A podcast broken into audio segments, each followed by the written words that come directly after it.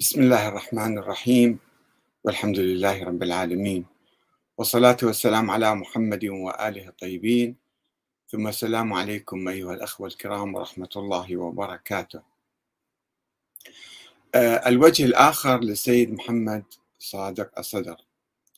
أخباري حشوي مفوض يؤمن بأن أهل البيت شركاء الله في إدارة الكون والعياذ بالله. السيد محمد محمد صادق الصدر آه، قام بحركة دينية في التسعينات في العراق. طبعا بالاتفاق مع صدام حسين من أجل أهداف سياسية في مقاومة إيران نفوذ إيران والمجلس الشيعي الأعلى المجلس الأعلى للثورة الإسلامية في العراق وحزب الدعوة والمنظمات الأخرى التي كان لها تأثير كبير في الشارع العراقي. فطرح السيد مرجعيته بالاتفاق مع صدام حسين بأنه لا يتدخل في السياسة وصدام حسين ما يتدخل في المرجعية. على هذا الأساس اتفاق جنتلمان كما يقولون. وهو بعد ذلك طرح موضوع صلاة الجمعة وبدأ يصلي واستقطبت كثيرا من الجماهير العراقية في تلك الأيام. في التسعينات مما أرعب صدام حسين. وطلب منه التوقف عن هذه الصلاة فرفض. فرفض وهدده بالقتل وقتله لأنه استمر في صلاة الجمعة وذهب شهيدا إلى ربه. وأنا عندما أتحدث عنه اليوم لا أريد أن نيل من شخصيته والعياذ بالله ما عندي أي مصلحة لا وياه ولا ابنه لا معه ولا ضده أه يعني أه الحركة بحاجة يعني في موضوع هو طبعا كما تعرفون آه، ركز كثيرا على موضوع المهدي وسوف يظهر وعلامات الظهور وكتب الموسوعة المهدوية. وكنت أناقش في كثير من الأوقات آه، بهذه الموسوعة وكتبت له رسالة في الرد عليها. آه، يومها قلت له أنت يعني هذا ما باحث بالموضوع مجمع أنت روايات وأحاديث. آه، موضوع المهدي الآن موضوع بالحقيقة بسيط جدا تجاه موضوع الشرك بالله تعالى. وهذه آه، الظاهرة ظاهرة الاعتقاد بأن الأئمة هم آه، يديرون الكون وشركاء الله في الخلق والإحياء والإرزاق والإماتة ظاهرة أخبارية تسللت إلى الشيعة هذه الأيام. العقود الأخيرة ولم تكن معروفة في تاريخ الشيعة حقيقة. إلا المفوضة المفوضة بالتاريخ في زمن الإمام الصادق آه، الغلاة عموما كانوا يعتقدون بأن الأئمة آلهة الخطابية. هذا معتمد الإمام الصادق في الكوفة كان يعتقد بعدين انحرف يعني وأعتقد أن الإمام الصادق هو الله قد حل فيه. فلعنه الإمام الصادق وتبرع منه و آه، أمر الشيعة بمقاطعته. وتفرع من الخطابية المفوضة المفضلية بقيادة المفضل ابن عمر الجعفر المفضل كان يعتقد يقول لا قولوا نزلونا عن الألوهية وقولوا فينا ما شئتم بعد ذلك كيفكم بعد؟ أنتم تخيلوا يعني أطلقوا لخيالكم السراح لكي يتصور ما يشاء. ومن هذه أخذوا آه، التراث الإفلوطيني التراث اليوناني الإفلوطيني الذي كان يقول بالعقول العشرة أن الله تعالى ما يصير يخلق الكون وحده لازم يخلق العقل الأول والعقل الثاني والعقل الثالث واحد يخلق الثاني فصارت عقول عشرة. هاي الثقافة اليونانية القديمة الإفلوطينية.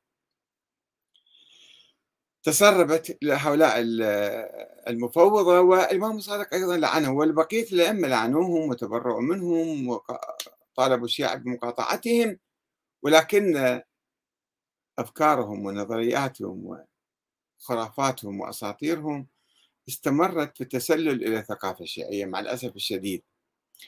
والآن أشوف مجموعة من ما يسمى بالمراجع الذين يدعون الاجتهاد يتبنون هذه الأفكار المفوضة. والبعض يصرح بصراحة الأخباريون الآن الشيخ مهدي المرشد لا علنا يقول إحنا الأئمة يرزقون ويحيون ويميتون مو بس هو كل مراجع كثيرون يقولون ذلك. وقد تحدثت عنهم أيضا مرارا وتكرارا. يقولون آه، يعني الأئمة هكذا وهكذا. المشكلة أنه آه، كما نعرف التيار الأصولي الاجتهادي العلماء المجتهدون. الذين يجتهدون في المسائل الجزئية في الطهارة والنجاسة والحيض والاستحاضة والصلاة والصوم يجتهدون يبحثون يدققون في الروايات. ولكنهم في العقيدة أبدا لا يفكرون ولا يبحثون ولا يجتهدون يتلقفون الأفكار من الأدعية والزيارات الموضوعة المتسربة إلى الثقافة الشيعية. وهكذا يعتقدون بأفكار شركية صريحة بالله تعالى. ويعلنوها أيضا. وأنا ما كنت مطلع بالحقيقة على السيد محمد الصدر. كنت أعرف أنه هو صاحب الموسوعة المهدوية ونقاشي معاه حول موضوع المهدي ولد أم لم يولد. ولكن اطلعت مؤخرا على كتاب شذرات في فلسفة الإمام الحسين وإذا يتكلم أشياء عجيبة غريبة. وهو كان يقول رحمة الله عليه يقول أنا أعلم العلماء الأولين والآخرين لأنه أعلم بعلم الأصول. طيب أنت أعلم بعلم الأصول. طيب بالعقيدة هل بحثت هل اجتهدت أم أنت أخباري؟ أخباري أبدا ما ترجع القرآن. ترجع فقط لل... للأدعية والزيارات والأخبار الموضوعة. فهنا المشكلة أنه آه، واحد يكون على هالدرجة الكبيرة من الانحراف والجهل والابتعاد عن القرآن الكريم وهو يتبوأ موقع يعني مرجع وناس يقلدوه حتى الآن. وبعضهم يقول يجوز التقليد ابتداء تقليده ابتداء أو البقاء على تقليده. إذا هو ما يجتهد في عقيدته عقيدته فيها خلل شلون تقلده أصلا تقليده حرام ما يجوز. ولكن إلى هؤلاء أكثر بعد حرمة. خلينا نقرأ نشوف ماذا يقول فقرات من كتابه شذرات. يقول فيه آه، أن محمد بن عبد الله ليس هو الرجل الذي يأكل ويمشي فقط هذا الشخص الظاهر اللي نشوفه. لا النبي مو فقط هذا. محمد بن عبد الله إنما الأصل فيه هو روحه العليا والتي هي المخلوق الأول هاي حسب النظرية اليونانية الإفلوطينية شنو المخلوق الأول؟ وين منين جبت المخلوق؟ محمد هو المخلوق الأول؟ اللي بعدين خلق الكون. وتسلطه على الإدارة التكوينية للخلق. هو سلط على الإدارة الله ما عنده شغل بس خلق النبي محمد. هاي أفلاطين هكذا يقول. خلق العقل الأول والعقل الأول خلق العقل الثاني والعقل الثالث وهكذا. وتسلطه على الإدارة التكوينية للخلق. طيب وين هذا من القرآن الكريم يا سيد محمد صدر؟ ما يجيب آية قرآنية يقول وهذا منصوص عليه في الروايات. خلص بعد إذا أكو روايات فإن الله تعالى خلق السماوات والأرض من نوره. نور محمد؟ خلق الكون بعدين وأعطاه السلطة والإدارة لها. عنده سلطة وإدارة الكون نبي محمد. قبل هذا قبل ما يخلق الملائكة وقبل ما يخلق آدم ويخلق السماوات والأرض. هذه في صفحة 71 و 72 من كتاب شذرات من فلسفة الإمام الحسين اللي مقررة وهي محاضرات تلاقيها آه، سعد أسعد الناصري. وأيضا يقول إننا تعبدنا بما علمنا به أئمتنا عليهم السلام وهو أن الكون الخارجي الكون كل هذا محرك بأسباب خارجية وعلل موجودة يعني أسباب تدير الكون هي بالدرجة الأولى الملائكة هم يديرون الكون وهم قوانين القوانين. وفي المرتبة التي فوقهم أرواح المعصومين وأنوارهم وهم أبواب الله وأمناؤه. أرواح المعصومين هي فوق الملائكة يدير الملائكة يدير الكون كله يعني. ثم يجي على الإمام المهدي والإمام الحسين يقول هما من أصحاب الولاية العامة التكوينية والتشريعية على الكون عامة. الكون كله هم عندهم سلطة على الكون كله. وعلى البشر خاصة هاي صفحة 190 أيضا. يعني هاي طبعا الفكرة كما قلت لكم مكررة عند عدد من ما يسمى بالمراجع الأميين في الحقيقة. لا مو مجتهدين أصلا. يأخذون أخبار من هنا وهناك بدون أي تحقيق بدون أي تدقيق بدون أي تفكير بدون أي عرض القرآن. العالم عليه أن يرجع القرآن أولا. هم القرآن حاطيه على صفحة ورايحين على الروايات وعلى الأساطير والخرافات ويجعلون منها دين وعقائد ويفرقون بين الأمة الإسلامية بهذه الخرافات والأساطير. الأخ أوس الأعرجي علق على هذا الكلام قال هذه الأفكار شبيهة بالميثولوجيا اليونانية الأسطورية اللي أنا تحدثت عنها قبل قليل اللي هي الإفلوطينية. حيث هناك كبير للآلهة وهو زيوس ثم آلهة تحته أدنى منه ثم أنصاف آلهة كهرقل بن زيوس. وهي أيضا قريبة من العقيدة المسيحية حيث الأب هو الإله الأعلى الذي أرسل ابنه إلى البشر والذي هو ذو طبيعتين. لاهوتية وناسوتية هم متأثرين بالثقافة اليونانية. ونرى في كتاب الصفار بعض الروايات التي يريدها عن أهل البيت بزعمه تقول أن الإمام علي أيضا ذو طبيعتين لاهوتية وناسوتية.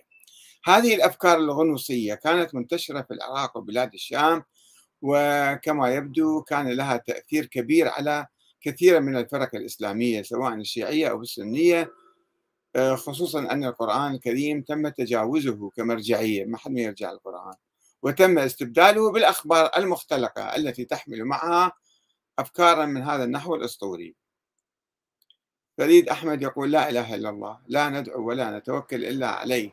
اللهم ارزقنا شفاعة محمد وآل محمد آه، لا شفيع إلا بإذنك يوم القيامة. رحيم رحيم يقول الأستاذ الكاتب كل همه ينتقد الشيعة ورموزها وكأن مصائب الدين كلها من الشيعة وكأن مصائب العالم الإسلامي من الشيعة وكأنه لا يوجد في العالم الإسلامي لا غلو ولا خزعبلات ولا روايات لا يقبلها عقل طفل ولا صحيح بخاري الذي فيه أحاديث يخجل العاقل أن يذكرها ولا ولا الشيعة الذي هم سبب مأساة الإسلام واحتلال فلسطين وما تعانيه الأمة من ذل وهوان اليوم بين الأمم. لا بالحقيقة توجد روايات أسطورية في التراث السني في البخاري ربما أو كذا ولكن لا تصل إلى حد الشرك بالله. لا أحد من السنة يقول مثلا آه، الصحابة خلقوا الكون مثلا أو يديرون الكون أو يرزقون ويحيون ويميتون.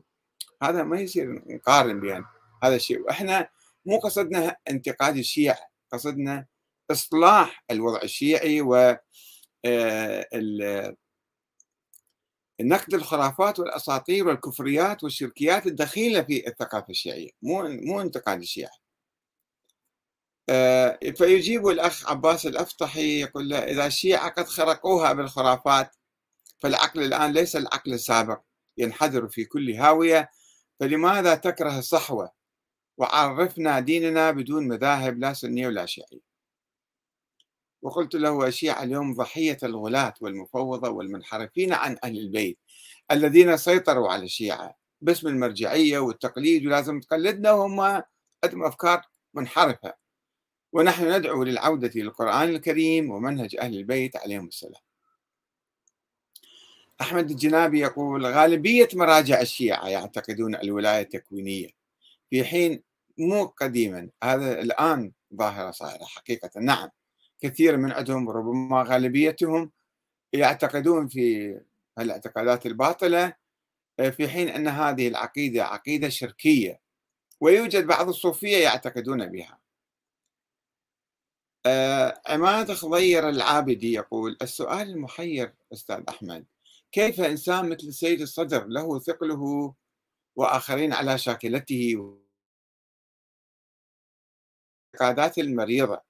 ونحن أناس بسطاء من عامة الناس نعتبر ذلك مجرد خرافات وبدع. ما السبب في ذلك؟ أي فعلا الشيء المفرح أن عامة الشيعة لا يعرفون هذه. وحتى في الحوزة ربما وأنا عشت عقود من الزمن في الحوزة بالستينات والسبعينات والثمانينات ولم أسمع بهذه الأفكار. يعني بعدين ما أدري شلون طلعت وانتشرت وصارت.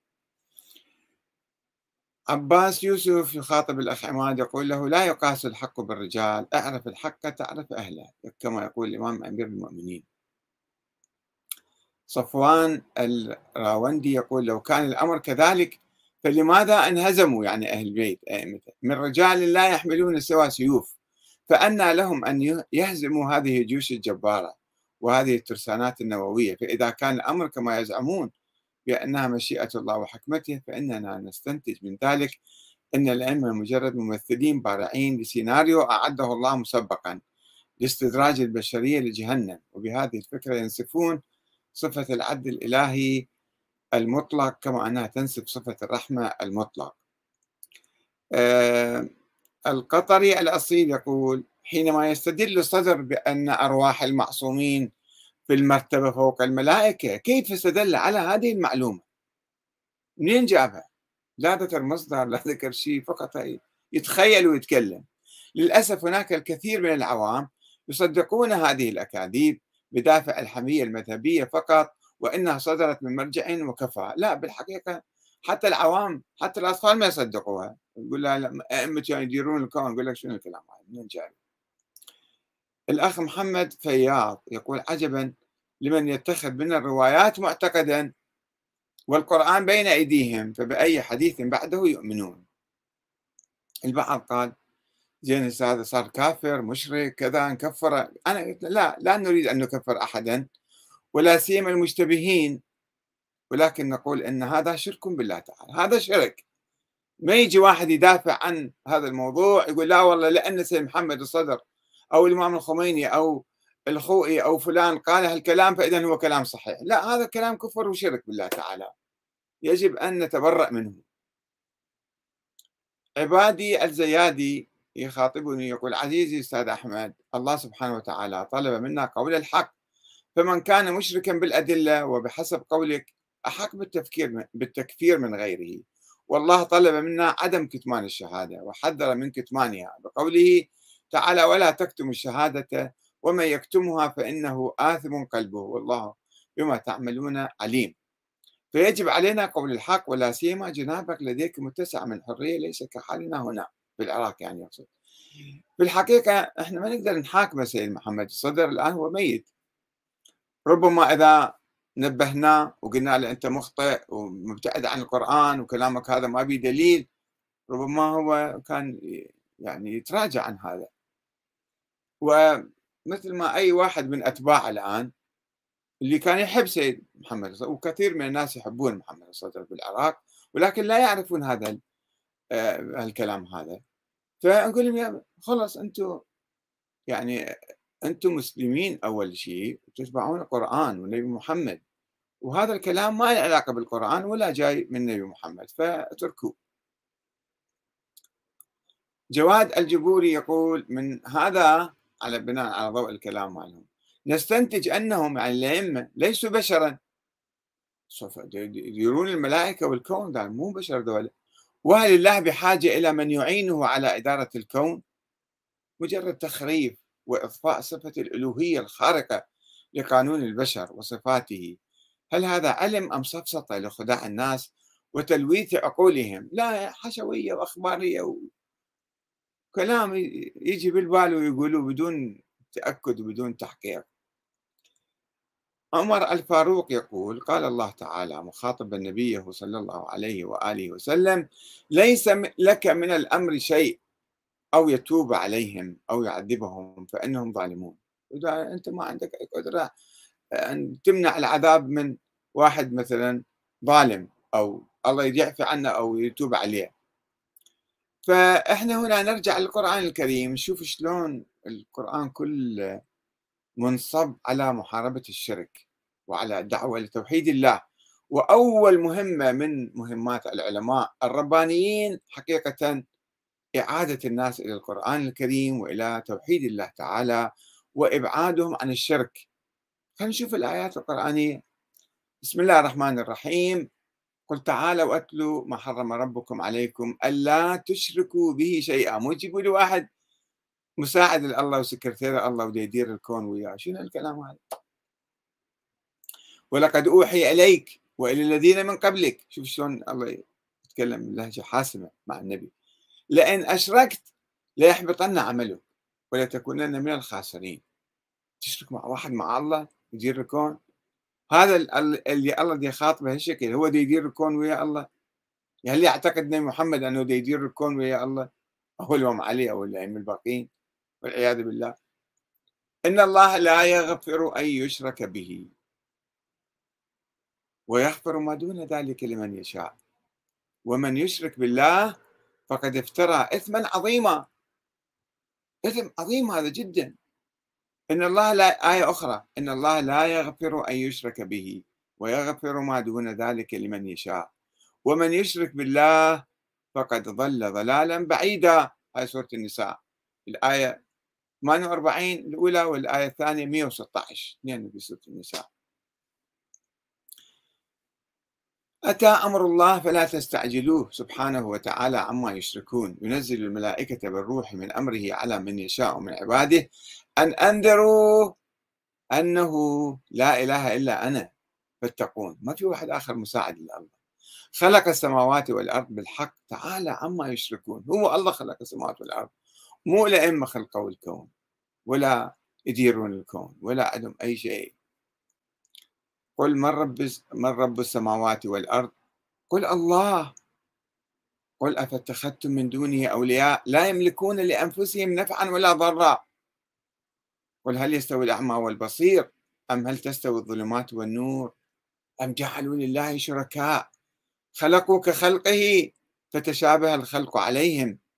قل الله خالق كل شيء وهو الواحد القهار. بعد أكو أكثر من الآيات صراحة ووضوحا. واحكاما الله خالق الكون كله خالق كل شيء وهو الواحد القهار. تجي تقول الله خلق النبي والنبي خلق الكون والأئمة يديرون الكون وهم فوق الملائكة. شنو هالخرافات والأساطير؟ أفمن هو قائم على كل نفس بما كسبت وجعلوا لله شركاء. قل سموهم أم تنبئونه بما لا يعلم في الأرض؟ الله ما يعرف الشيء هذا. أم بظاهر من القول بل زين للذين كفروا مكرهم وصد وصد وصدوا عن السبيل ومن يضلل الله ومن يضلل الله فما له من هاد قل إنما حرم ربي الفواحش ما ظهر منها وما بطن والإثم والبغي بغير الحق وأن تشركوا بالله ما لم ينزل به سلطانا وأن تقولوا على الله ما لا تعلمون. تجي تتخيل وتروح تاخذ لي ثقافة اليونانيين وأفلاطين والغلاة المفوضة وتؤمن بها وأنت ما متأكد وأن تقولوا على الله ما لا تعلمون. أيشركون ما لا يخلق شيئا وهم يخلقون. الأئمة مخلوقين تجي تخليهم هم خالقين يصيرون. قل ادعوا الذين زعمتم من دون الله لا يملكون مثقال ذرة في السماوات ولا في الأرض. وما لهم فيها من شرك ما لهم شراكة ويا الله وما لهم من وما له منهم من ظهير. إن تدعوهم لا يسمعوا دعاءكم ولو سمعوا ما استجابوا لكم ويوم القيامة يكفرون بشرككم ولا ينبئك مثل خبير. آيات كثيرة في القرآن الكريم أنا التقطت بعض الآيات. إحنا مشكلتنا بالحوزة خصوصا لا يعني عقلهم مو قرآني عقلهم خرافي وأسطوري وأحاديث إخباري. لو رجعنا للقرآن نشوف بصراحة آيات محكمة وصريحة تنهى عن الشرك وترفض الشرك ولكن نجي بعدين نقول الأئمة كذا وكذا وبعدين شنو؟ نقع في مستنقع الخرافات والأساطير. نسأل الله أن يهدينا ويوفقنا وإن شاء الله تيار صدري تيار إسلامي هو. حتى لا ما أعتقد واحد تيار صدري شنو؟ تيار إسلامي ناس مسلمين يتبعون الله تعالى ويتبعون القرآن الكريم والنبي محمد وأهل البيت اللي ثقافتهم كلها داعية لتوحيد الله تعالى ويبتعدوا عن الخرافات والأساطير إن شاء الله. والسلام عليكم ورحمة الله وبركاته.